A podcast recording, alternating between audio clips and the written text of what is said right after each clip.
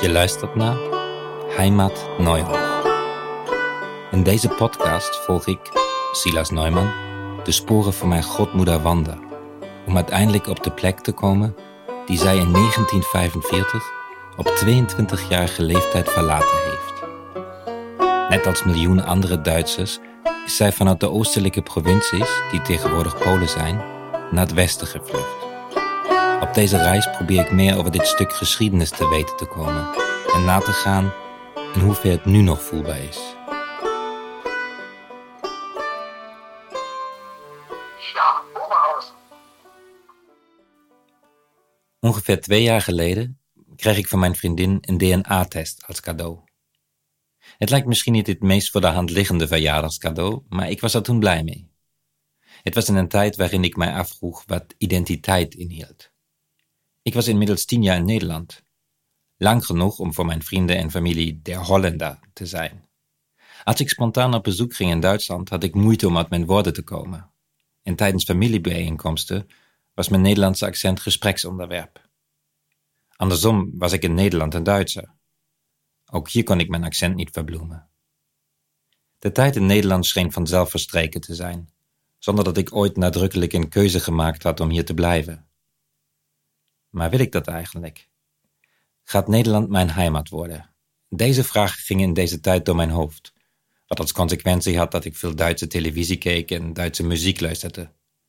Mijn vriendin zegt dat ik dat altijd doe als ik mij niet gelukkig voel. En nu kreeg ik van haar dus een DNA-test. Een test die beweert te kunnen zeggen welke etniciteit je hebt. Voor de test moest ik wangslijm op een wattenstaafje zetten en naar Texas opsturen. Stiekem hoopte ik dat ik onverwachts exotische voorouders zou hebben. Twee maanden later kreeg ik een mail van het bedrijf met een link. Oké, daar gaan we. Klaar je etniciteit te onderzoeken.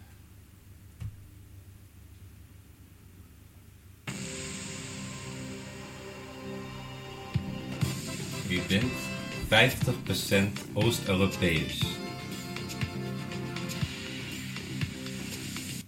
34% Noord- en West-Europees.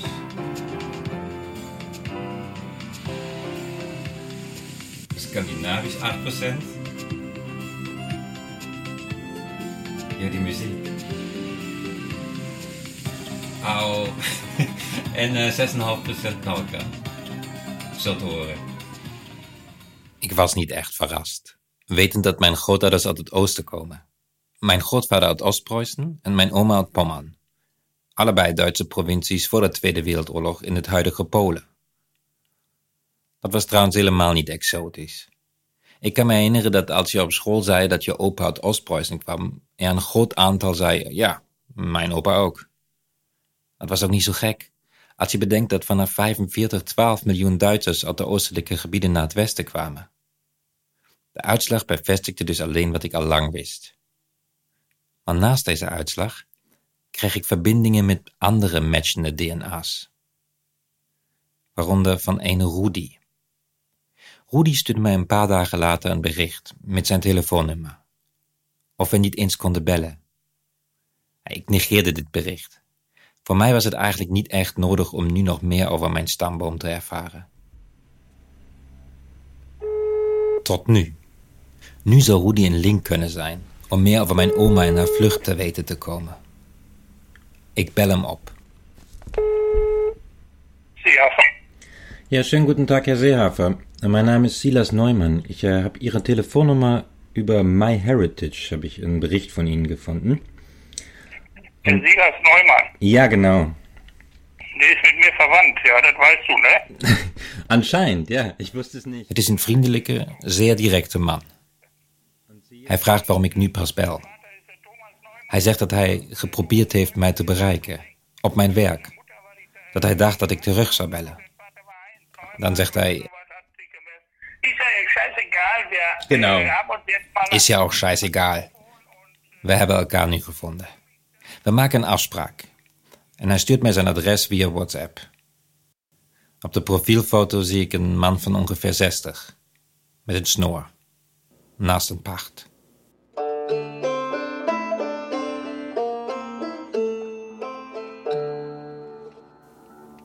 Als ik het erf oprij, staat Rudy al met over elkaar geslagen armen in de deuropening.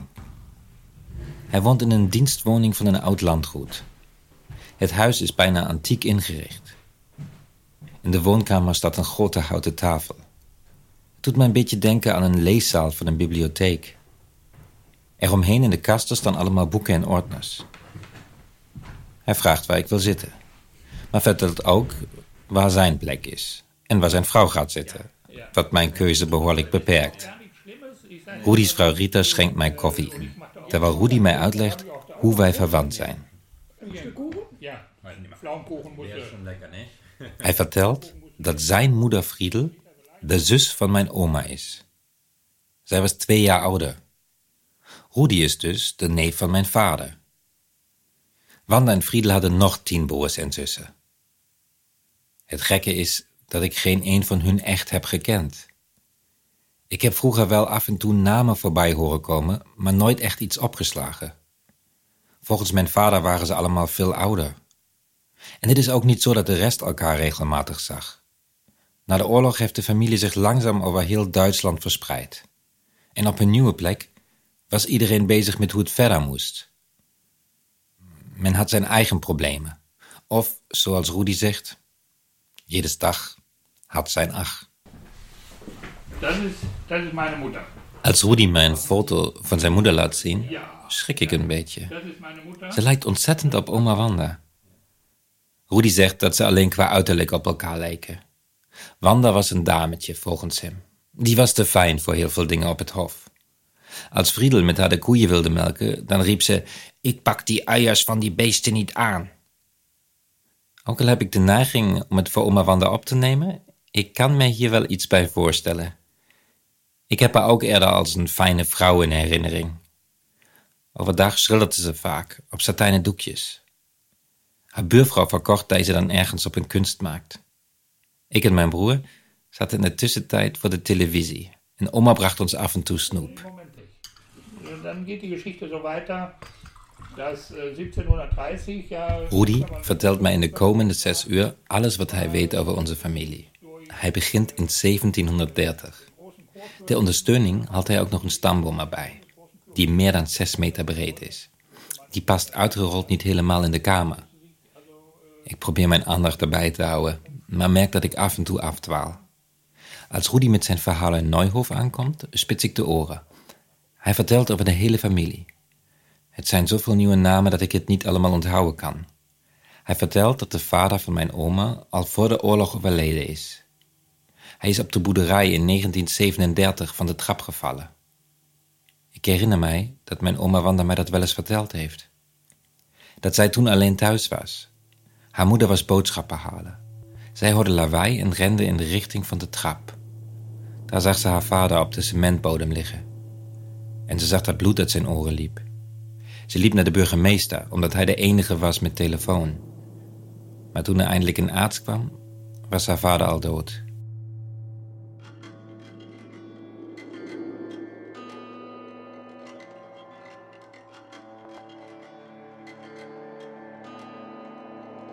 Dan vertelt Rudy over de vlucht van zijn moeder. Rudy vertelt het zo beeldend dat het voor mij als een spannend avontuur klinkt. Rudy's moeder Friedel, haar kleine zus Lieschen en hun moeder Auguste waren in 1945 op de boerderij in Neuhof. Toen zij hoorden dat het Russische leger dichterbij kwam. Ze besloten met een paardenkaart te vluchten. In de haast hadden ze de paarden niet goed voor de kaar gespannen. En een van de paarden moest de volledige last van de kaart trekken. Na een tijdje bezweek het paard onder de last. Rudy weet zelfs nog de naam van het paard. Caesar. Zij gingen lopend verder en sloten zich aan bij een vluchtelingentrek. Het was een grote trek. Miljoen Duitsers waren toen op de vlucht. In de trek verloren ze elkaar uit het oog. En afzonderlijk van elkaar besloten ze terug te gaan naar Neuhof.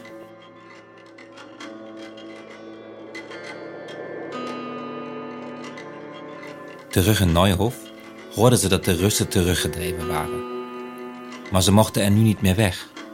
Hitler wilde zijn gebieden niet opgeven. Iedereen die probeerde te vluchten zou neergeschoten worden. Toen op een dag de burgemeester die het dorp tegen had gehouden, dood in zijn kantoor gevonden werd, toen vluchten ze opnieuw. En ditmaal bereiken ze Berlijn. Ze kunnen hier bij twee zussen tijdelijk onderkomen vinden. Vanuit Berlijn vertrekken ze later naar Leipzig. En uiteindelijk naar Oberhausen. In Oberhausen woonde hun broer, Emil. Hij was mijnwerker en hoefde niet naar het leger. En daarom had de familie afgesproken in geval van nood hem op te zoeken. Als ze Emils adres aangeven, hoeven ze misschien niet naar het vluchtelingenkamp. En toen Friedel, Lieschen en hun moeder in Oberhausen aankwamen, toen was oma Wanda al bij Emil. Lieschen en Friedel zijn trouwens na de vlucht maar weinig kilometer uit elkaar gaan wonen. Maar hebben 50 jaar geen woord met elkaar gepraat. Rudy wil niet vertellen hoe dat precies kwam.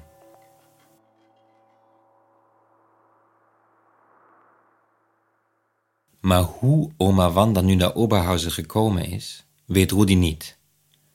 Hij zegt dat ze toen de Russen kwamen in Kolberg bij de post werkte. Ze had daar een gemeubileerd kamertje. Met Kolberg bedoelt Rudy Kolobczek, een stad aan de Oostzee. Rudy gebruikt de voormalige Duitse namen voor de Poolse steden. In zijn werkkamer hangt een landkaart met de landsgrenzen van 1937 en de Duitse benamingen voor deze gebieden. Ik weet dat Rudy dit waarschijnlijk voor zijn stamboomonderzoek gebruikt en hier verder niets mee bedoelt, maar alsnog krijg ik van deze kaart een onbehaaglijk gevoel.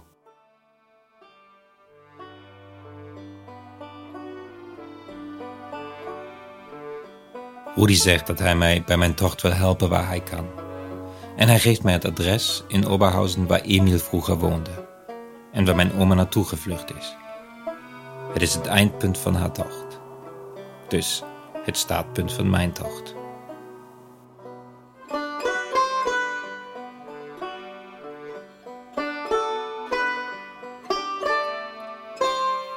Samen met Sebastian, die de muziek van deze podcast schrijft, reis ik met de trein naar Oberhausen in het Ruhrgebied. De plek waar iedereen uit oma Wanda's familie naartoe is gegaan, omdat Emil er was. Emil was 12 jaar ouder dan mijn oma. Volgens Rudy was Emil een uh. Hij is rond het einde van de Eerste Wereldoorlog samen met zijn neef naar Oberhausen gelopen. 850 kilometer. In Oberhausen is hij dan mijnwerker geworden. Emil en zijn neef waren trouwens niet de enige die deze tocht aflegden. Vanaf 1870 trokken veel van de mensen die in de provincies West- en Oost-Preußen leefden naar het Ruhrgebied. Daar zocht men door de industrialisatie werkers.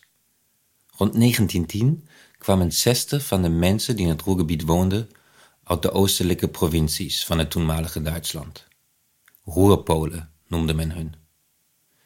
En na de Tweede Wereldoorlog is mijn oma Wanda Emil dus achterna gereisd. Naar Oberhausen. In Oberhausen heeft ze haar man ontmoet. En in Oberhausen is mijn vader geboren en opgegroeid. Ausstieg in Fahrtrichtung rechts, Hauptstadtbereinigung rechts, exit on the right hand side in travel direction. Doei.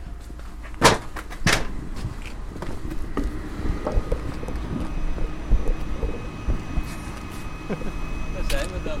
Dat, dat is dat hele romantische ophaal. Ja, daar hebben we het allemaal voor gedaan. We moeten lachen bij onze aankomst in Oberhausen. Oberhausen ziet er niet bepaald vrij uit. De gebouwen rondom het station zijn vooral grijs. Het grijze weer en al die mensen met mondmaskers helpen ook niet mee. Sebastian zegt dat het er schaal uitziet. Ik vind het een mooi woord. We zijn net uit het station als Sebastian mij op een vlag wijst.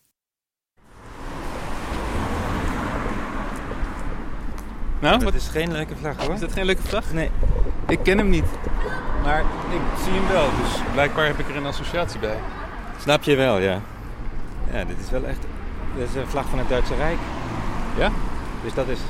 We zijn, eh, wat zijn we, 30 stappen uit het station? De vlag hangt op het balkon van een flat.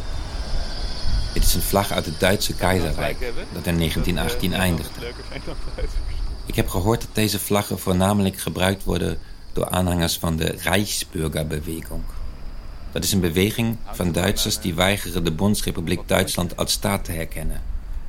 Zij zijn van mening dat de Bondsrepubliek een bedrijf is en dat de eigenlijke overheid het Duitse Rijk is, wat volgens hun nooit opgeheven is. De grenzen van Duitsland reiken volgens deze beweging dus ook nog steeds tot ver in het huidige Polen. Hallo, ik. Neumann. Ja, dank Oké. We verblijven in Oberhausen in Hotel Kedanska. Het is een hotel dat gerund wordt door een stel van Poolse komaf. Shestak en Maria. Maria zegt dat het hotel verrukt is ingericht.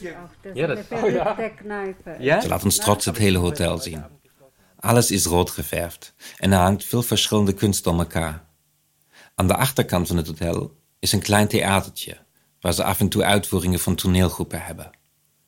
Als ik Maria vertel dat mijn oma ook uit de buurt van Kedans komt, zegt zij lachend: dan had zij hier vrijbier gekregen.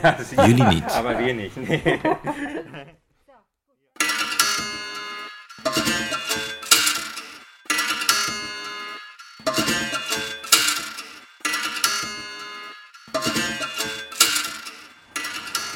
Maar waar ga je specifiek naar op zoek in het archief? Ik heb gewoon gezegd tegen hun, ook ter voorbereiding, alles wat ze van eh Wanda Tischler, Wanda Neumann, Heinz Neumann. De zoektocht naar sporen van oma Wanda begint in het stadsarchief.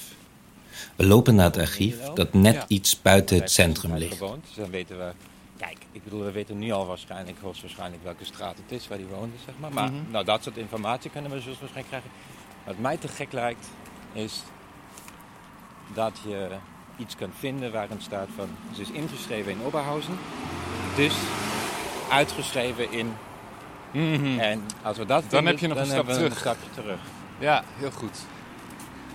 Maar dus het is sowieso zo dat eh, je dat archief al... Je hebt een vraag eh, neergelegd bij het archief. Zij zijn gaan zoeken. Jij krijgt nu hun zoekresultaten te zien. Het archief is een kaal wit gebouw dat midden in een woonwijk staat. Als we ons melden, zegt de archivaris naar aanleiding van mijn mail al gezocht te hebben. Maar er is niets te vinden. Hij geeft ons oude telefoonboeken. Misschien staat hier iets in. Eén boek is uit 1938, één uit 1950 en één uit 1958.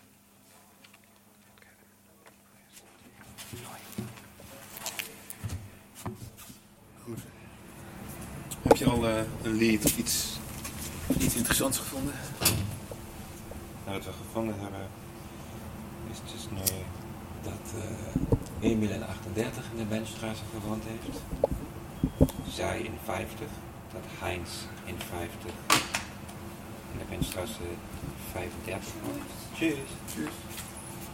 Dus tegenover of zoiets. En voor de rest heb ik algemene informatie gevonden over wat wel interessant was over Vertriebenen, deze vluchtelingen uit, eh, uit, het, uit het gebied van eh, Oh ja. dat het zo was dat ze in 1945 of zo hebben ze ook een oproep gedaan aan vluchtelingen niet meer naar Oberhausen te komen omdat het vol is. Oh, oké. En eh, binnen vijf jaar is de bevolking van rond 100.000 naar 193.000 gegaan. Dus het is best wel veel bijgekomen. Het zijn niet alleen de vluchtelingen, ook wel eh, terug uh, thuiskomers, zeg maar, worden.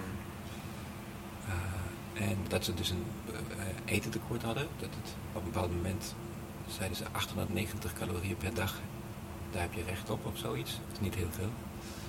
En uh, dat lag dus ook aan die, aan die vluchtelingen natuurlijk. Maar mensen die in het bergbouw werkten, dus in de mijn, mijnbouw werkten, die hadden recht op meer. Dus Emil ook. Ik vraag de archivaris of hij nog meer boeken over de vluchtelingen en de integratie na de oorlog heeft. Hij zegt dat dit niet bepaald een onderwerp is waar veel boeken over verschenen zijn. Men zei op deze tijd ook niet erg trots.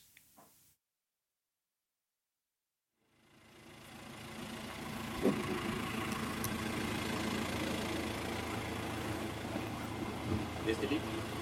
Ja, ik naar voren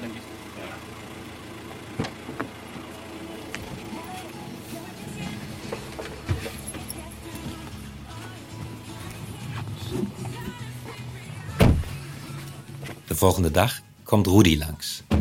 om met ons samen het oude huis van Emiel te bezoeken.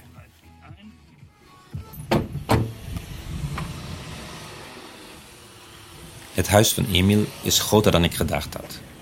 Ik kan me wel voorstellen dat Wanda hier op de bovenverdieping genoeg ruimte had om te wonen. In mijn verbeelding was het een klein huisje waar de mijnwerker Emil net nog een halve kamer voor Wanda vrij had. Maar dat blijkt dus niet zo te zijn. Rudy vertelt ons hoe oma Wanda en opa Heinz elkaar hebben leren kennen. Hij zegt dit verhaal van een informant te hebben en hij lacht geheimzinnig.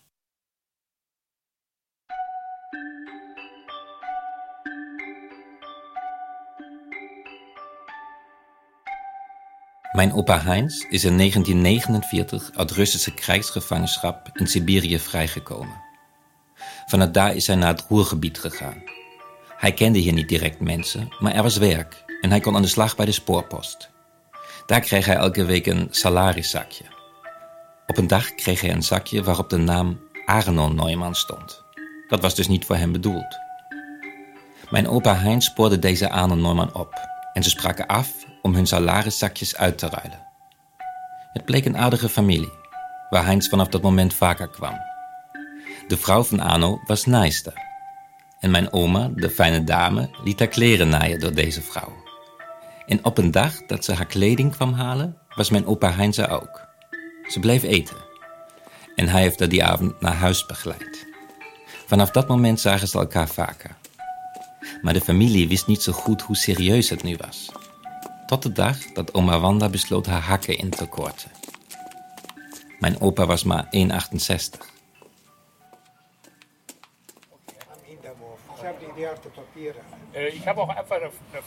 Uit het huis van Emil is inmiddels een oude man gekomen. Hij loopt voorovergebogen onze kant op. Rudy spreekt hem aan en vraagt of wij ook achter het huis mogen kijken. De oude man, die zegt dat hij Salvatore heet, knikt en loopt met ons mee. Salvatore kent geen Tischlas. Hij laat ons de tuin zien. Rudy zelf kan zich herinneren hier als kind te bezoek geweest te zijn. Er waren hier duiven en kippen, roept hij. Later rijden we met Rudy nog naar de plek waar mijn grootouders samen gewoond hebben. En waar mijn vader opgegroeid is. Ook hier zoekt Rudy contact met de buren. Maar ook hier kan zich niemand meer aan mijn oma herinneren. Niet eens een oude dame die hier al 50 jaar woont. Ik moet toegeven dat ik het allemaal wat minder romantisch vind dan verwacht. Maar wat had ik dan verwacht? Ik moet eraan denken hoe mijn vader mij over zijn kindheid in Oberhausen verteld heeft. Over het voetballen en spelen op straat en op de oude spoorweg achter het huis. Als ik hier rondkijk, dan kan ik niet begrijpen dat hij het een mooie plek gevonden heeft. Mijn moeder zegt dat mijn vader roergebiedsromantic heeft. Hij ziet liever een zonsondergang over een spoorweg dan in de natuur. Bernhard Schlink schrijft in zijn boek Heimat als Utopie dat het gevoel heimat uit hetgeen bestaat wat er mist. Herinneringen en verlangens aan het gemis maken van plekken een heimatplek. En dat kan misschien ook het verlangen naar de onbezorgde kinderjaren zijn. Voordat Rudy vertrekt, heeft hij nog een tip voor ons. Als jullie radio maken, dan moeten jullie het lied West-Preußen, mijn lieb heimatland opzoeken.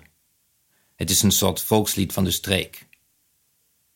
We zoeken het lied op YouTube op.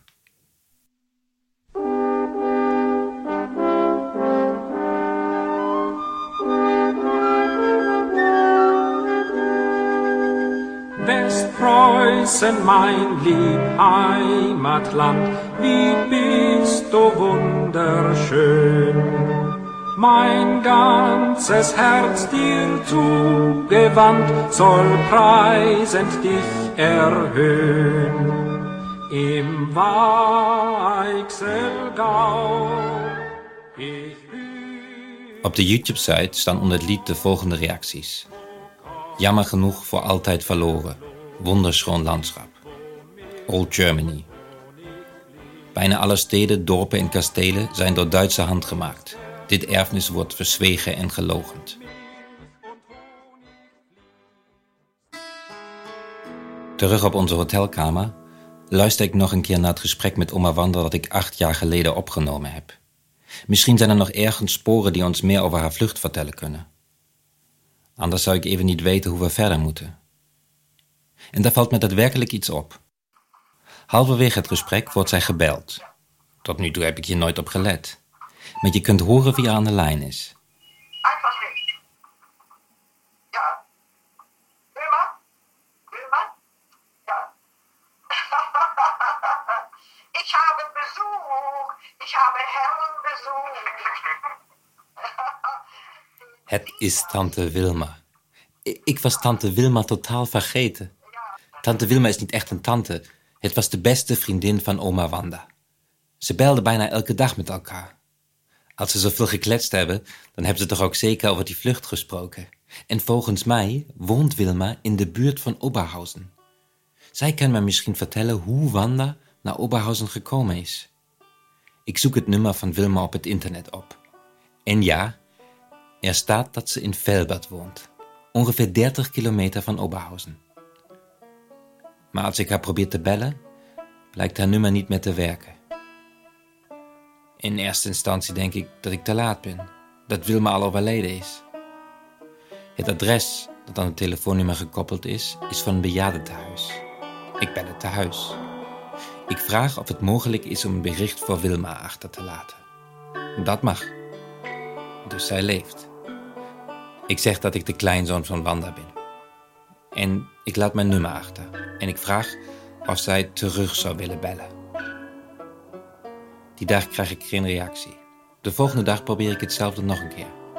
En op die middag krijg ik een bericht van mijn voicemail. Hallo.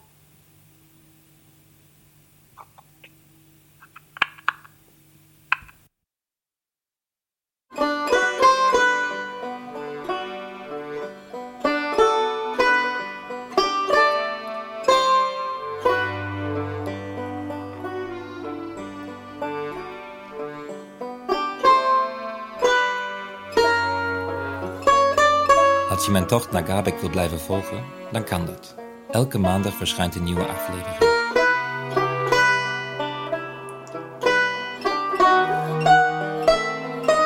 Ik maak deze tocht trouwens niet helemaal alleen. In de afgelopen week was Sebastian Vlier mijn medereiziger en sparringspartner. Hij is ook verantwoordelijk voor de muziek en de montage. Voor meer informatie kun je terecht op de website van Zwolse Theaters. Slash Heimat Neuhof.